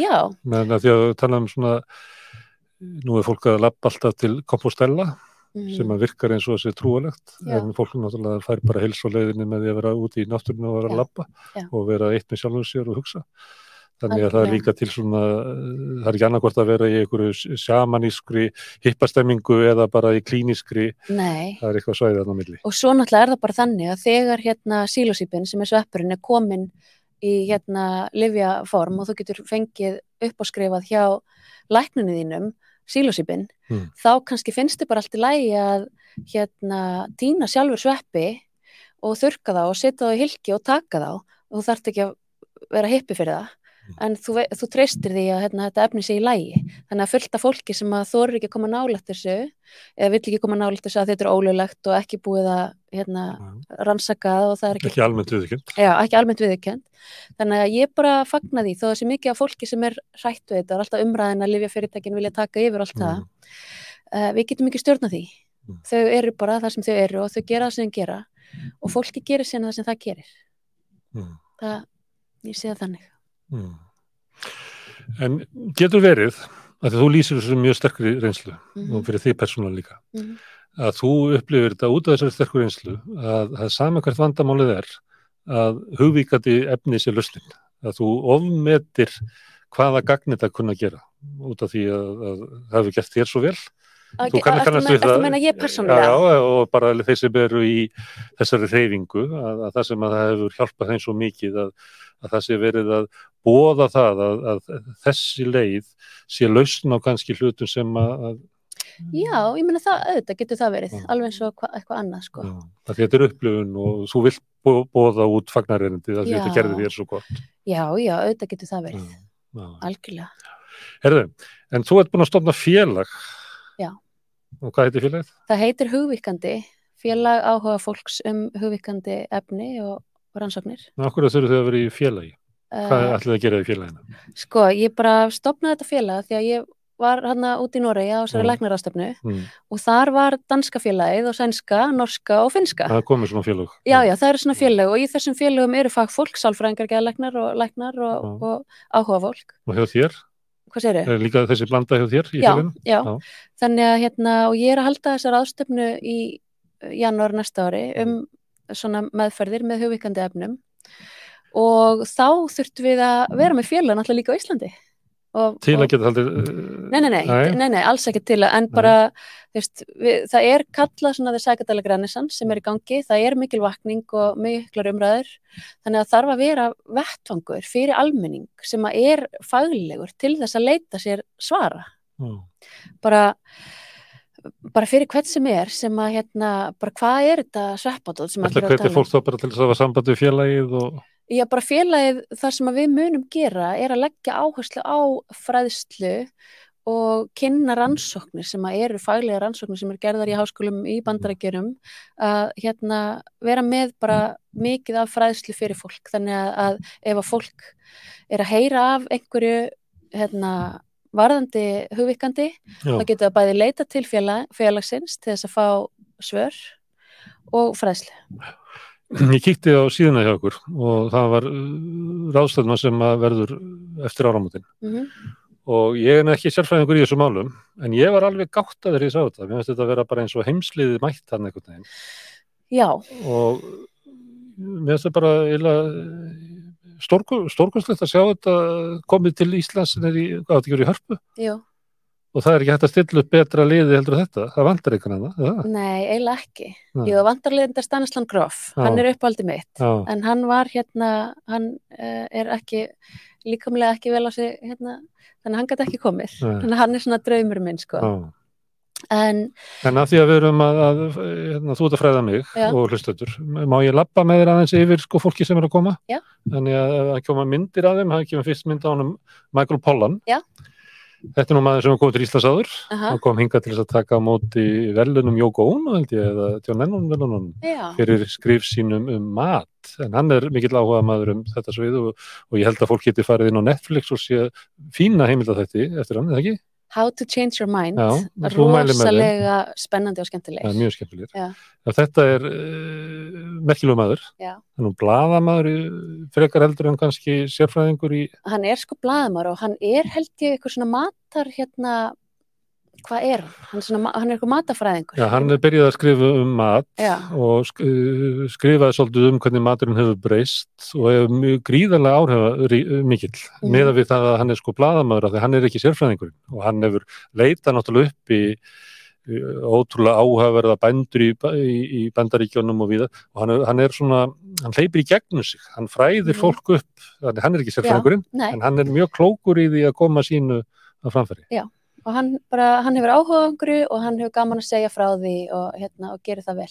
Næstur er líka Íslandsvinnur, hann hefur komið inn áður, Gabor Maté. Þetta er náttúrulega svakalegt gúrú. Já, hann, og hann hérna, og, og hann náttúrulega er ekki sko mikið psychedelic en, en hann náttúrulega er með reynslu af því og það er breytt lífi hans. Hann er fjallar mikið um tráma og áföll. Já, og allt snýst þetta í rauninni þó að ráðstönduna sé sækadaleg, en það snýst allt um tráma. Erum, mm. þetta snýst alltaf um að hver manneskja nálgist sinn kjarna og nái að komast að sínu tráma og vinna því. Já. Síðan kemur Rick Doblin. Já. Já, byrjaði sko, hérna, þetta byrjaði með honum, af því hann er einn af kennuránum mínum. Já. Og Rick Doblin er sagt, sá sem er leiðandi í MDMA hreyfingunni í bandaríkjanum mm. og hann er með MAPS sem er Multidisciplinary Association for Psychedelic Studies í bandaríkjanum og hérna hvað er hann búin að vera, ég manna það ekki 14 ára að berjast fyrir lögleðingu MDMA og hann var að kenna mér mm. ekkert tímann fyrir árið eða einu halvu og ég spurði hann hérna myndir þú koma til Íslands eða ég myndi halda ráðstöfni mm. og hann sagði já auðvitað mm. og svo fór þetta í gang og ég sendi fyrst á hann. Mm. að herði, ég er að fara, vera með aðstönduna og meinti hann já í það já, já, hann meinti já, og hann sagði strax já. Og þegar hann sagði já, þá sagði bara allir henni já. Þeir vilja vera með honum. Já. þetta er mikill frumkvöld í þessari reyfingu já. já. Síðan kemur Júlí Holland. Já. Hérna, Hvað kannst það segja mér um hana? Herði, ég get ekki sagt þér um hana, en okay. hún var nefnilega bara bætast við ah. að því að hún uh, vinnur með Gabor og, og, og, það vil ég allir vera með þannig að það er fólk að koma til já, þín og spyr hvort það með yfir á ráðstöndi það er svona núna og hún bara var að bætast við núna í síðustu viku. Okay. þannig að hérna, Daniel Slosser hún er með hérna Næsta, hún er hérna oh, hvað heitir hérna uh, þau eru sérst að framleiða sílosýpin, svona synthetic sílosýpin og hérna hún var með fyrirlastur úti í Noregi á ráðstöndinni uh, þannig að, já. já. Og þá kemur Bensessa, hann er sko ótrúlega skemmtilegur, hann er búin að vera ketamin þerapisti í 30 ár MDMA í uh, eh, 15 ár. Og ef, ef þú hlustar á fyrirlesturinn hans mm. um MDMA mm. þá ert þú að fara að leita þaðra MDMA vikuna eftir. Þetta er sölubæk þetta er sölumöður Nei, hann bara, hann er svo kraftmikill hann er svo passionate, hann er bara svona hann hrýfur alla með sér og maður var bara ástfangin að hlusta á hann. Hann er rosalega skemmtilegur. Og við erum ekki, þannig kemur eitt sem að geti verið sjaman. Herri, þetta er Will og hérna ef að uh, þið horfið á hérna Goop þættinu með Gwyneth Paltrow mm. þá er hann sérst, og hann er geðleiknir mm. og hann er sérst geðleiknirinn sem var í þeim þáttum. Og hann er vinnur Gabor Matei og það er svo skemmtilegt með Will að hann hérna var að koma til Íslands núna í fyrrasumar og hefur mikið náttúrulega á hestum var að googla Ísland, googlaði Psychedelics fann ráðstöfnuna sendi no. í okkur e-mail og við urðum vinnir no. þannig að hann er að hérna, flytja til Íslands í januar og hann verður sagt, hérna, með Gabor bara hérna Akkur heldur hann sé að flytja til Íslands? Og það hestum? Uh, örgla Er það eru fleiri? Uh, já, hérna Sergi og hann var aðal fyrirlesurinn út í Sviss því var, það er ástöfninni mm. og hann er, sagt, uh, ég held hans er svæfingalæknir mm. eða, já, svæfingalæknir og hann er sagt, með ketamin klínik í Þískalandi og er svona algjör Ekki til að svæfa fólk heldur til þess að hjálpa fólki við Hjálpa hvað? fólki með tráma, hjálpa mm. fólki með þunglindi, áfallastræðiræskun mm. og með ketamini. Þannig að hann er rosalega flottir og skemmtilegur. Þannig að hann kemur. Ok, við erum ekki búinn. Benjamin Ryan. Já, hann er hérna, ég fann hann á Instagram. Hann er svona, hann er svolítið svona stóra á Instagram og gerir svona mjög skemmtileg vídeo og hann er hérna ég man ekki hvort hann er eitthvað svona neuroscientist mm. en er að gera MDMA rannsók á músum og ég man ekki hann er í ykkur um háskóla svona og fínum háskóla ja. Þannig að ég fekk hann Stanford, Stanford. það verður ekki mikið fyrir það Nei, ná, nákvæmlega mm. þannig að hérna þannig að ég fekk hann bara, hann er ekki merkilegur í sækadalkheiminum, hann er ekki stóri í sækadalkheiminum mm. en mér langaði bara að fá hann Þú veist bara Þetta já. er svona shopping á, á Instagram. Já, já, bara svo les. Svo er hérna Sherry Walling. Já, hún er sagt, hérna, hún er tengd í gegnum öldukarinn sem að er að halda rafstöðunum með mér. Sem, að, sem hefur haldið svona fyrirlestra svona sjálfstykkingarsfyrirlestra. Já, og hérna þær þekkjast í, út í New York. Og Sherry var með, eða er með fyrirtæki í Kanada sem var svona uh, hérna svona psychedelic therapy og svona hérna já allavega hún er, hún er, hún er smá svona psychedelic stjárna í Kanada. Já, þannig að þú komið svæðisstjórnur Já, doktor Erik Vermetin hann er vinnur Rick Doblin og hérna hann bara fekk að koma Rík sagði bara hann þarf að koma okay. með já. Já, já. það er ég held að við séum með tvö viðbútt það endar hérna á Eridsó já, David Eridsó, hann var líka svona einn aðal fyrirlesarinn úti í hérna, Noregi, hann er danskur mm. en býr út í Breitlandi og er í hérna er einn af aðal mannanum í held í Mind Foundation sem að Ben Sessa er og, og fleiri. Og svo kemur Kelsey Ramsten í lokin. Já, ég man ekki alveg. Ég, hún er líka tengd í gegnum New York. Þú hefur verið að uh, fara á svona ráðstöður við þeim heim. Ertu ánað með þína? Stendur þú samanburðið þessum varst í Nóri og Sviss og þessum að þú ferði annars þar? Já, algjörlega. Hún... Er það bara það fínasta sem að? Sko, svona, já, hún er, hún er allavega svona, hérna, mjög fín og ég bara, ég, hérna, vildi gera þetta mm. og, á, og, á, og bara reðst í þetta og fekk með mér, hérna, óbúslega flott, flott eh, fólk að gera þetta með mér. Og einhvern veginn þá bara var þetta svona og þetta fólk og, og það sem að ég gerði það sem að ég gerði að ég skrifaði bara 50 uppáhaldsnöfnum minn í Sækadæli keiminu og ég bara sendaði alla. Já. og ég byrjaði á Rick Dublin hann sagði já mm. og þá gæti ég sagt við allar Rick, ég bara segja já, já. og þannig að hérna Þetta er gammalt triks að fá toppin fisk og ringja eftir björnunni sko, þá er það nú er hann þannig sko, og þá vilja allir vera með. Já, eða, veist, það bara var svona hann var svona næst mér sko. Mm. og hérna, og já Herðu, til hafmyggjum með þetta. Takk fyrir. Og hérna, takk fyrir að koma hengað og fræða okkur svona mikið um þennan áaverða svið. Já, ég elska að fræða um þetta og það er líka það sem að samtökinn snúast um það að fræðast. Veist, þú getur, þú getur hlusta allt sem ég segi, en ég segi ekki gleipa við þið, farðu síðan og, og googlaðu og skoðaðu. Hérna... Ég býst við allir sem að hlusta okkur séu mitt að gera það. Neti þetta. Já, Já. algjörlega Herðu, kæra þakkir. Herðu, við munum halda áfram að fjalla um, um hugvíkandi efni og hvernig það getur hjálpa fólki við áföllum og, alls konar geðraskunum og dráma og líka bara til þess að átta sér betur á stöðu sinni í heiminum.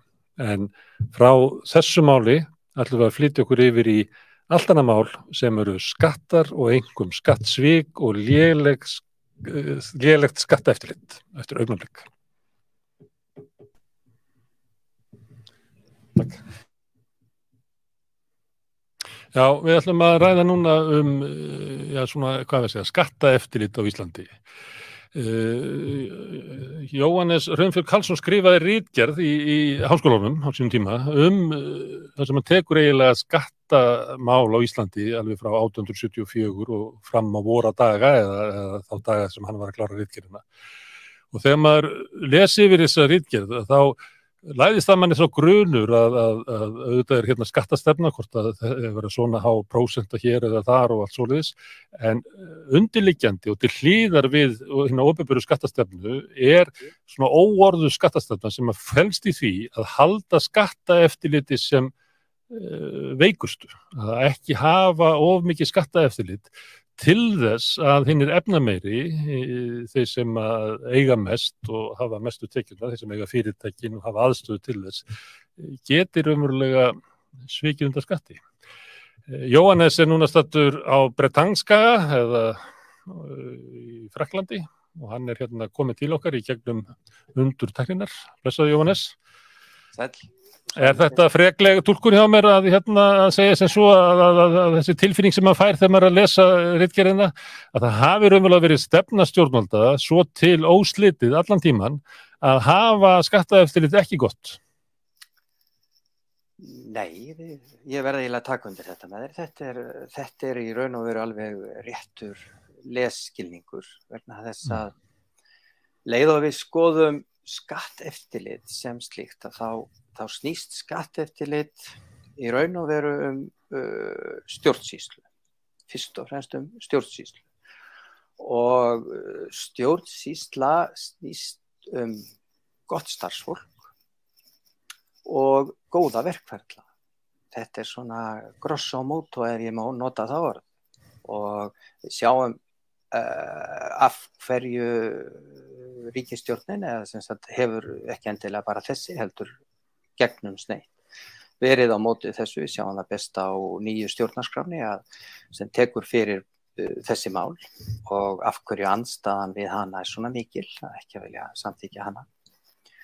Og ef við snúum okkur kannski bara beint að sögunni svona, skoðum þetta kannski það má fara svona það er svona ákveðin vendipunktur um stríðsárin þess að þá fer skatt, fara skattsvíkin alveg verða mjög mikið og, mm. og skattar eru frekar litlir, það er að segja beiniskattar, alla tekjur ríkisins þá eru meira og minna tollar og, og sölu skattur til þess að kom, gera nýkomin inn og, og það er að segja á innflutningi og og hérna það er stjórnarkreppa náttúrulega strax eftir stríð ríkistjórn Stefáníu springur þarna og Stefáns Jóhans og mm. minni hlutastjórn uh, Ólafs Tórs tekur við og hún henni gengur illa og Bjarni Bena er þá að ganga frá aðilda Íslands að NATO og hittir þá í bandaríkjónum í Benjamin H.J. Eiríksson, ég veit ekki hvort þú mannst eftir honum en Já, já, já, það var mjög sérstakum maður. Já, já, og mikill áhrifamaður í, í íslenskum efnarslífi og stjórnmálum. Það er af höfundum svo kallar hérna, hagfræðingarskíslu sem hafði mikill áhrif á Íslandi. Já, hann var einmitt, kom þarna eftir þessa hagfræðingarskíslu og, og fyrir þá sem ekki mun eftir honum en hann var mjög uh, sérstakum maður og svona þegar maður mætti honum og hitt hann að þá var hann það var svona eins og hann læsi mann eins og, eins og opna bók svona með mm. virkilega svona ákveðna gislun, útgislun en, en hérna hann er kallað til og, og hérna til Ólaf Stós til ráðagerðar og, Og það sem eh, Benjamin rekur fyrst augun í að það er þessi stjórnsýsla á Íslandi. Hún er, eh, hvað var ég að segja, hún er algjörlega út að aga. Það er engin lögum um hérna starfsmerikisins. Eh, engin sem sagt ráð þeirra ræður bara frengur sínar og frenda og eins og við þekkjum.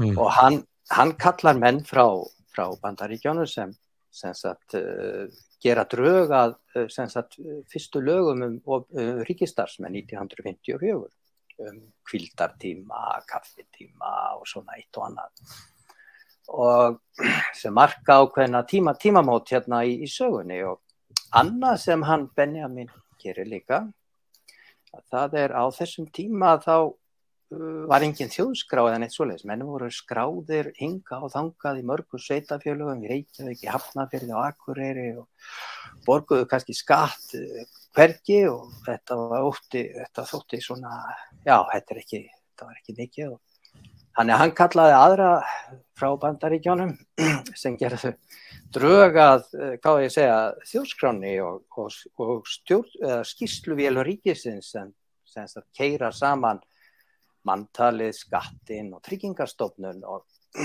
og lagði sem sagt gífulega grunn þar að öllu.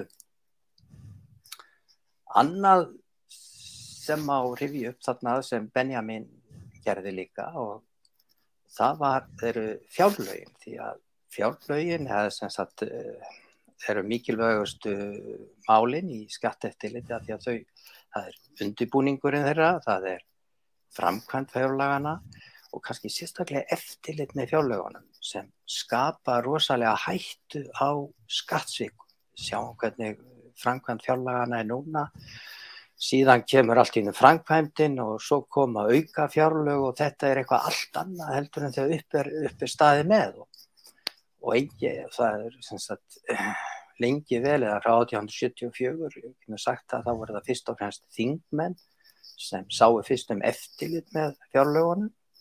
Síðan voru það afdala þing eða sem sagt síslumenn og þeir skiluðu kannski ríkisreikningi eða eftirliti með ríkisreikningi tveim, þrem, fjórum árum eftir að þetta hefði verið nota peningarnir. Þannig að ekkert að þessu nýttist við uh, eftirlit, beinlít En sagt, það varði eiginlega lítið úr uh, þessum framkvæmdum hjá sagt, með fjárlögin eða framkvæmd þeirra, hún breytist lítið fyrir en, hvað ég segja, 66 breytist hún. Á svipuðum tíma þá uh, er Ebbi eða Edvard Sigursson sem var lengi, sem sagt, uh, hvað ég segja, formaða dagsbrúnar og Bjarni Ben, þeir störfuðum jável saman, þessir tveir menn og, og hvað var ég að segja, það er eh, þetta þessi júni og júli sangkomurlægið sem verkefælisreyningin og, og breyþóltið og allt þetta, þetta er fyrst og eðvarði eh, að, og Bjarni Ben kannski að, að þakka þetta sangkomurlæg náðist. En eitt af því sem var þar það var því að skattsvíkinn því að eh, viðreistar eða semst að ríkistjórnin sem kemur hann að 1959 var til 71 sem hún uh, tók á breyti skattkerfinu rosalega mikið og tekur upp byrðisauka skattin 3% fyrst og hækkarni 5% og 7% og 11% og... en það var ekkert eftirlíkt og það jugust skattsvíkin á þessu því að kaupmaðurinn, hann lagði þessi á þessi, þetta 3% eða 5% hvað sem eh, sölskatturinn var. Matvaran hækkaði um þetta, neytandin borgaði, en þessu var ekki skilað í kassan. Og, og í þessu samkómulagi millir þeirra, eða var svo bjarna, þá var að stopna er því sérstat skattrannsókna stjóra ennbætti og það var eh, Sigurbjörn sem var skattstjóri þá, ríkiskattstjóri, hann fyrsti ríkiskattstjórin sem var mjög vinsall maður og já, ábyggilegur og, og virkilega með stjórnsýslun og hreinu, hann hafði mentast í Ameríku og lengi og barðist alveg frá því hann kom heim 47 fyrir staðgríslu kerfi skatta sem var þá tíðast í, þetta var þá tíðkast í bandaríkjónum þetta sem staðgrísla. Hún komst nú ekki gegn en, en hann stopnaði þarna þá gekk frá stopnum rannsóknarstjóra ennbættisins og gerði það þannig að til þess að það er engin fjárhagslega tengsl á milli ríkis skattstjóra og skattrannsóknarstjóra að, að þá svolítið gaman að skoða þessa reikninga þarna á milli hvernig, hvernig ráðuneyti var það borga stóla og borð og, og þú veist hvað ég meina kannski eða þeir sem á þetta heyrið hlýðið og, og hérna hann er að fyrsti sagt, maðurinn sem gengti þessu ennbætti var Guðmundur Skaftason sem var síðar hæstaréttar lögmaður og, og uh, hæstaréttar dómari, ábyggilegu maður og, og kom með virkilega skemmtilegar uh, nýjungar út af söluskattinu. Hvernig ætti að rannsaka hann. En eh, hvað var ég að segja? Guðmundur þótti of duglegur í, í ennbætti og ég rætti nú við Guðmund sko, hann er að ég hef það nú bara byggt frá honum og, og hérna uh, var það hætti, hann fekk ekki hann hann upp hann ákveðna aðferð til þess að uh, hafa eftirlit með, með hérna þessum uh, undanskotum. Ráð þeirra þótti hann og duglugur því hann tók fyrir þarna einhvern flokksmann, þetta var Magnús Jónsson frá mér sem hafi tekið við af Gunnari Tórótsinni, Gunnar hafi greinilega ekki viljað samtíkja þetta og þessi lög sem gengur hann í gildi þarna lögnum er já, 1965 sem gengur hann í gildi vegna þess að allir þeir sem svíkundaskatti og höfðu svíkundaskatti þá þeir fengu fengu sem sagt uh, frí, sem sagt þeim var veitt uh, aflaust frá, frá ríkistjórnin með þessum lögum sagt, til þess að þessi komst í gegn þessi stopnum þessa ennbættis. Þannig að ríkistjórnin, það var aldrei rannsakan einn skattsvig sem náðu í raun og veru fyrir 65 vegna þessa. Og uh, nú Guðmundur hann hætti og út af þessu máli en hann hætti náttúrulega ekki afskiptum af, af sköttum.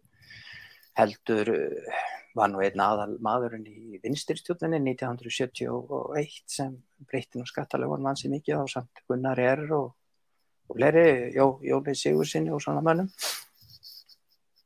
Hann er að hann, er að hann, sagt, hann hætti þessu og það má segja að þarna eru eiginlega stíin ákveðin uh, svona skref til þess að, að ríkistjótin bara fríjar skattsvíkar og veitir þeim syndaflust og, og uh, þetta svona í stuttumáli má segja að hafi haldið síðan áfram að, að þó að hafi verið margir ágætis menn innan, innan skattsins og, og þeir eru náttúrulega ekki einir vegna þess að það er hansi það er öll stjórnsíslan sem likur undir. Að þá þá hérna þá eru þeir stottaðir af.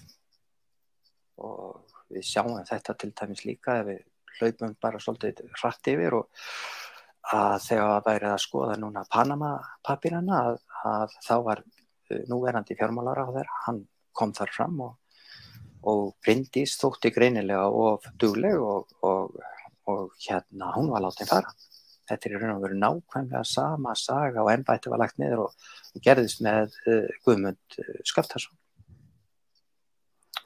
Þannig ef þú ert í skattaransónum á Íslandi, að ef þú sinnir starfinu þínu þá missur þú það, en ef þú vilt halda starfinu að þá átt að sinna því íla.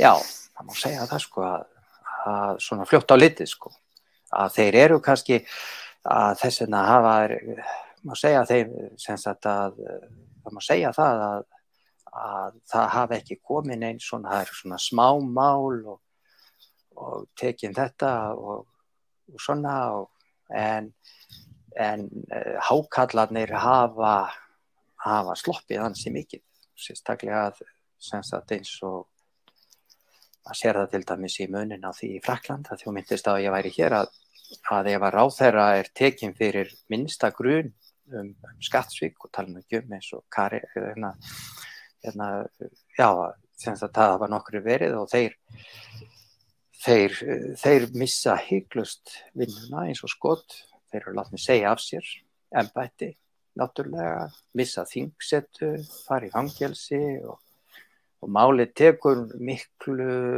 fljótara af að rannsaka þetta mál og, og þeir segja það bara að, að vegna þess að pólitíkin eða stjórnmálamenn þeir verða að hafa tröst og tröstið þess að er tekið mun harðara á, á sagt, þeirra málum heldur en heldur en Uh, sagt, ef einhver venjulegu jói út í, út í bæ uh, gerir, gerir eitthvað svipað svona, mm. svona mm. þeir eiga að vera fyrirmyndin sko. En ef við förum aðeins yfir söguna Indriði Háls Hollagsson, hann var uh, skattrannsónstjóri eða ekki á tímabili? Hann var ríkiskastjóri Indriði var ríkiskastjóri Vildi og, hann efla skattrannsónir? Indriði gerði strax nýjungar og uh, á sínum sviði, hann kom upp, upp svo kalla stór fyrirtækja eftirlit.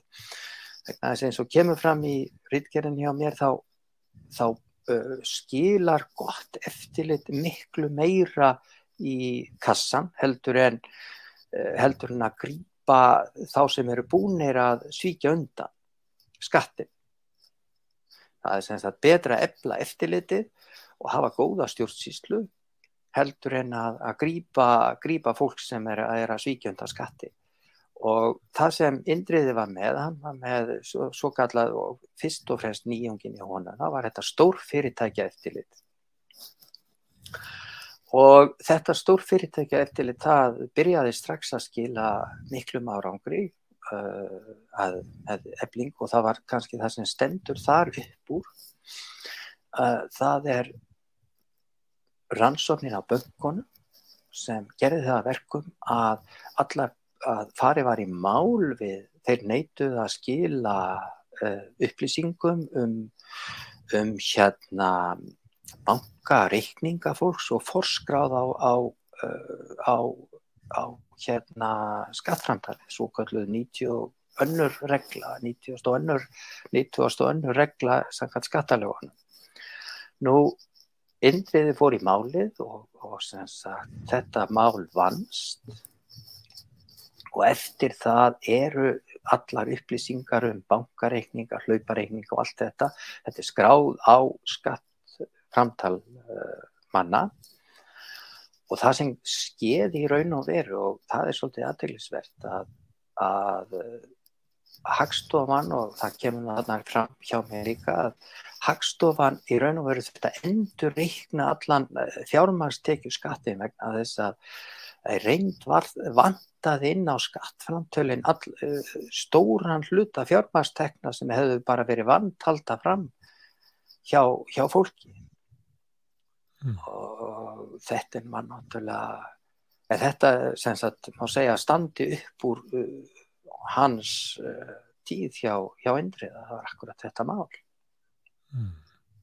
En þú nefndir hérna Panamaskjölinn, það var þannig að, að það var búið að vera ábettingar um hvernig mætti já, einhver leiti girða fyrir útstreymi fjár til aflandsæja með því að, að setja reglur eh, sem að ríkistjórnin í aðranda hundsins syndi ekki en, en voru síðan settar á þegar að að, því við nefndum Indriða þegar Indrið kom og varð aðstofað með Stengri Sjóðs 2009 Jú.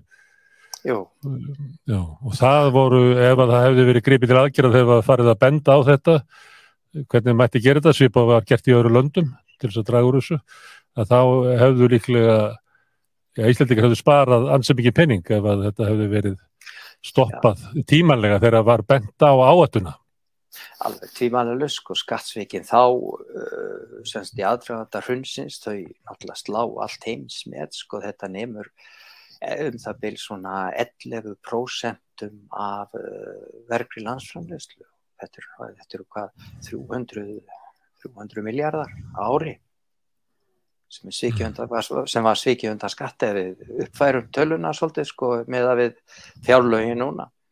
Þannig að þetta er engir, þetta er engir smá peningar sem, sem, hurf, sem hurfu og þó að uh, það má segja að það er líka annað sem kannski má minnast á í sambandi við uh, svona þessar skattaparadísir svo kalluðu eða, eða skattafylsni sem er kannski ennþá betra orð að nota skattafylsni því að það er verið að fela skattin og ég myndi nú eiginlega freka vilja nota þá. Og það er að menn eru líka að fela eignarhald á, á fyrirtækjum til þess að, að sem sagt í kauphöllinni og þá raskast kauphöllin og þú veist kannski hvað ég á við sko að samkeppnin og, og menn eiga kannski miklu meira í fyrirtækjum án þess að, að, að, að fólk, aðri hlut hafa viti af því Það er, í, lengd með meira raunverulega vald í fyrirtækinu heldur en að það er ekki eins og grein fyrir. Já, þannig að þetta, þetta, er, þetta er kannski svona stór, kannski miklu hættulegra svona það er fram í sækja því að þetta skemmir alla samkjætni og eigðulegur alla samkjætni og, og svona erfitt að koma í veg fyrir þetta. Mm. En segðu mér Akkur heldur þetta sé svona? Ég, stundum veldi maður fyrir sig að hérna, það hefur verið svona viðtekki sjónarmið innan sjálfstæðarflokksins að það verið erfitt að vera í business, að vera erfitt að vera í útgerð og, og það sveiplaðist hérna, fiskverð og, og það verið kannski svona sjálfsagt að horfi ekki ennum fingur sér þótt að menn væri að stinga ykkur undan og geima ykkur að varasjóði í útlöndum og sama með heilsalana sem voru hér. Þetta verið svo væri bara svona stemmingi verið þannig að að, að sjálfstæðarflokkurinn og þar með stjórnvöld og þar með Íslenska ríkið fyndi svona til með hérna hinnum ríkari og að þeir ættu nú skilið að hafa svolítið svona smá svigrum með skattgriðslu sínar. Er þetta kæruslega orða hjá mér? Já, kannski segja. En sko ég hef nú, veistu það að ég hef oft vilt þessu fyrir mér og, og hérna vegna þess að hverskipti sem ég skoða, sem sagt, hvort sem ég skoða aðdragandan að falli Íslandsbanka eldri á sem sagt í lók sem hvað er að segja hvað ég segja hérna á, á þriði áratug síðust aldar. Og allt, allt það vesinni í raun og veru og landsbankamáli þarna og svona sem var þarna að þá þá er þetta bara alveg gegnum sneitt með Íslandinga að, að alveg frá heimastjórninni maður skoðar hérna, sér þetta með Hannes Harstein hvernig hann ræður frænda og, og, og másinn og, og svona ímiðslegt í, í, sagt, alla stöður. Hann, hann er ansi grimmur á því hann, hann ræ, ræður bara sagt, sína vini og þetta og þetta bara, ég veit ekki hvort það byrji neitt sérstaklega með honum eða hvort þetta er í blóðinu á, á íhjálpsmönnum en Daví Ottsson tók mikið, Hannes er mikið til fyrirmyndar og dáðan mikið og svona góðsög saga Hannesar Holmsteins um 20-öldina sem, 20 sem hann fekk að búa til fyrir ríkisútörpið var eiginlega um það að öldin fættist með Hannesi og, og nei með Davíð sem að voru svona tveir stólpar sem að heldu utan um öldina. Já, ég held að og margt með ég segja um Hannes en þá var hann ekki góður stjórnmálamadur, hann sérstaklega náttúrulega ekki síðust árin og, og sá sem eiginlega tók við á hann, Jón Magnússon, hann var nú ekki betri sko og íhaldsflokkur nallur sem stjórnaði raun og veru öll stríðsárin þarna fyrra, í fyrra stríði og í raun og veru alveg út uh, fram til 1927 að Þetta er alveg skjálfileg tímabili í ríkisfjármálum, mikil verðbólka, fólk kemur mjög illa út, verkalýsfélögin eru alveg hræðilega, semst þau eru ekki stopnuð, semst að mjög mikið að verkvöllum og, og, og já, verðbólkan alveg svakalega þarna 22 og 23 og og þetta er bara skjálfigulegu tími sem verður að reykja meira og minna til stjórnsýslu Hannesar já, Hastins að miklu meiri, mm. miklu meiri luta Mikil spilling mjög mikil spilling og... Herru, Jóhannes, það kemur fyrir í reyðgerinni ef ég maður rétt, ég las það fyrir nokkrum árum að það Já. er hérna umræðan eftir stríð um, um kvalreikaskatt af því að það er svolítið verið að ræðum það, það er verið að setja kvalreikaskatt út um alla Evrópu og það hefur komið svolítið inn í íslenska umræðu núna hvort það sé rétt að setja kvalreikaskatt til dæmis á bankana út af sko háum vöxtum að þessi að taka raunverulega inn ógnar gróða af, af, af skattahækkunum hérna Útgerðin sé fádæma góðari er nú aftur núna og það sé hugmyndum að setja kvalreikaskatt. Þetta var raunverulega gert eftir stríðið að, að setja skatt til þess að ná inn stríðsgróðunum að hann myndi, að það voru fáir sem að náðunum, að hann myndi deilast jafnar út, út í samfélagið. E, þetta var sett en það varði einhvern veginn ekkert úr innimtunni e, vegna þess að það var svona eiginlega kerfisbundið senkað og þannig að þegar að skattur var svo endanum innimtur og þá skilaðan eiginlega litlu. Er þetta rétt endursögn að mér? Já, þetta er, þetta er nákvæmlega svona, hann er settur þarna á það er, er gífuleg skattsvík, þau fara alveg upp í 40-45% af, af ríkistekjóna eða sem tekjum þessu óbera á, á stríðsárunum, skattsvíkin. Þannig að það er alveg svakalega og þetta fyrst og fremst út af því að útgerðamenninir hafa alla peningana át í Breitlandi, fyrst og fremst þeir sem svíkjum það skatti.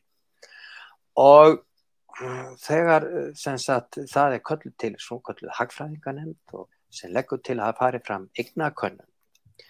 Og það er svona kannski skemmtilegt fyrir fólk að vita, vita það að upp frá í þessari eignakönnun verður til nafnúmerið sem margir muna eftir og muna sitt eigi nafnúmer og líka nafnskiptinnið það kemur þarna fram í þessari eignakönnun og hún stendur hérna 47-48 og grundvöllurinn að henni vegna þess að bæði norðmenn og danir hefðu sett á, á hérna eignakönnun og sett á uh, út af því að tæla að taka þess að svo kölluðu sem sagt, uh, peninga sem nazistar hefðu komið undan í, mm. og þannig að þetta voru sett í eða, þeirra fyrirmynd og uh, Senst, hérna var það áttið að beinast fyrst og fremst að útgerðamönnum sem notuðu þennan rosalega gróða til að kaupa upp land og lagsveiði ár og allt mögulegt. Og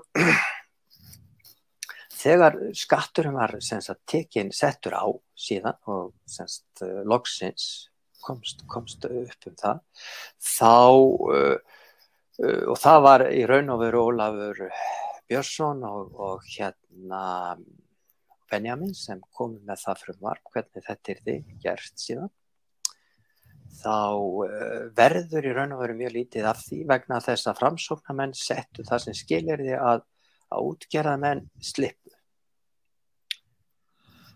Þannig að uh, þegar upp var staðið þá beindist þetta fyrst og næst að kaupmönnum og, og Guðmundur Guðmundsson í Víði, hann fór í, með þetta fyrir mannréttindanemdina á sínum tíma. Þetta er fyrsta mál sem Íslendinga fara með fyrir mannréttindanemdina í Strasbourg sem er fyrirrennari mannréttindadómstólsins. Og þetta, uh, Guðmundur tapaði þessu máli en að, uh, þeim fannst þetta nú ansi skrítið ég maður rétt þarna mikið rætt um þetta mál á gumkonum í Strasbourg. En uh, en sagt, þegar maður skoðaði, skoðaði þetta og þetta gekk í raun og verið alveg svona hér um byrli lóka sjönda áratöður eins þá var, þetta voru tvö mál því að vinstirstjórnir setti líka á svo kallan kvalreikaskatt líka öðruvísi aðeins öðruvísi að þá innheimtist mjög lítið og margir sluppu vegna þess að það var glimt að uh, hérna fara með sagt, innheimtu brefin og vikslana sem uh, viðkomandi útgerða maður átt að borga til, til, hérna, til þinglýsingar. Svo dæmið hann er að þeir slöpu við það að borga. Mm. þannig að það var í raun og veru mjög lítið sem innheimtist af þessu og af þessum skatti og og það var þannig haldið utanum þetta að það var til þess að menn slippu. Já það var fyrst og fremst það, það var mjög illa að halda utan það var mjög illa að halda utan það líka nú alveg ljóst fyrir sko. mm. og og líka uh, vegna skattkerfisins, vegna þess að uh, sko svo kallaða sko reikna endurkjald eins og við þekkjum núna og er nú mikill umræðu líka. Það kemur ekki inn í skattalögin fyrir með lögunum með 40, 1978 og fram að þeim tíma var hús, voru útgerðamenn þeir hérna reiknuðu sér ekki neitt, þeir bara tóku, tóku bara eitthvað að dósamatnu sem átt að fara á bátana og, og, og oljuna og allt þetta og lifðu eins og greifar og borguðu enga skatta. Og það eruðu mjög mikil mótmæli við það natt út af, út af, hérna, út af þessu þar sem fólk var að mótmæla í raunni hvernig, hvernig ákveðnir útgerðarmenn komist upp með að ganga við, á svig við skattalögin og, en lifa eins og greifar. Og, og þannig að þetta er ekkert nýtt sem við heyrum núna en, en sagt, þannig að uh, þetta gerði að verkum að það er svolítið erfitt sko, það, það, það þýðir ekki að leggja á kvalreikaslatt eða, eða svona gera ímiskonar lagfæringar nema skatt eftirlit og öll stjórn sísla sé í raun og veru í förstum skorðum og sé miklu betri hún er því annars lendir lenda þessar auknu skatt eh, þessi, aukin, þessi aukna skattheimta og lendir þá bara á Jón og Gunnu sko, þessu venjulega fólki. Sem eh, hafi ekki tækin til þess að, að komast hjá því að borga skattana sem að stórfyrirtækin og stóregna fólkið og hinn er auðugustu hafa þau hafa Já. miklu miklu fleiri tæki til að komast hjá því að borga skattana en venjulega launamæður hefur bara engi tæki Engin tæk, það er ak akkurat, alveg saman að þessu. Skattsvik er, er skattur sem lendir á, á venjulegu launahólki. Algjörlega. Herðu, Jó, Jóhannes, þessi rítgerðin var hérna, kannski getur við sett einhvern link á hana í, í, inn á samstöðuna og vísa fólki á að lesa það. Mér fannst þú að vera frábær lesning og svona, mann og lesi margar rítgerði sem að menn skrifa í, í, í háskólunum, en mér fannst þessi vera bara hún opnaði svolítið nýja sínin í 20. öldina. En þú hefur ekkert starfað við þetta Jóhannes, þú ert ja, halv landflotta þarna á Breitlandskaga Jú, jú, jú, ég starfaði við þetta hjá undir mig, ég var í skatteftiliti hjá, hjá Indriða og sínum tíma, tíma hann ég þekki fram að, fram að hrunni, eins og maður segir og Já, en núna ertu ekki. Heldur að það sé samingi milli efnisins sem þú aldrei að skrifa um í háskóla og að þú sést ekki að starfa kannski við það sem þú ventaði við? Í alveg öruglega, alveg það er erfitt, er, erfitt að segja það en, en alveg það er, það, það alltaf. Það er tilvikið sem þú hefur, að, Já, að, að það að þú skildi velverð efni og ganga svona vel frá því, að Já. það hafi eiginlega loka mörgum hurðum fyrir Jóhannes Sveinfjörg Karlsson. Alveg öruglega alveg öruglega hmm. það held ég að mig alveg fullir það Já. Já, þetta er ekki fallit samfélag sem við eigum Nei, því miður og er, það, þetta er nú um ansi marga sem hafa gert eitthvað svipað og, og hafa svipuð svipað að sögja að segja sem hafa verið ofdúlegir eins og maður segir eins og með Guðmund Skaftarsson hmm.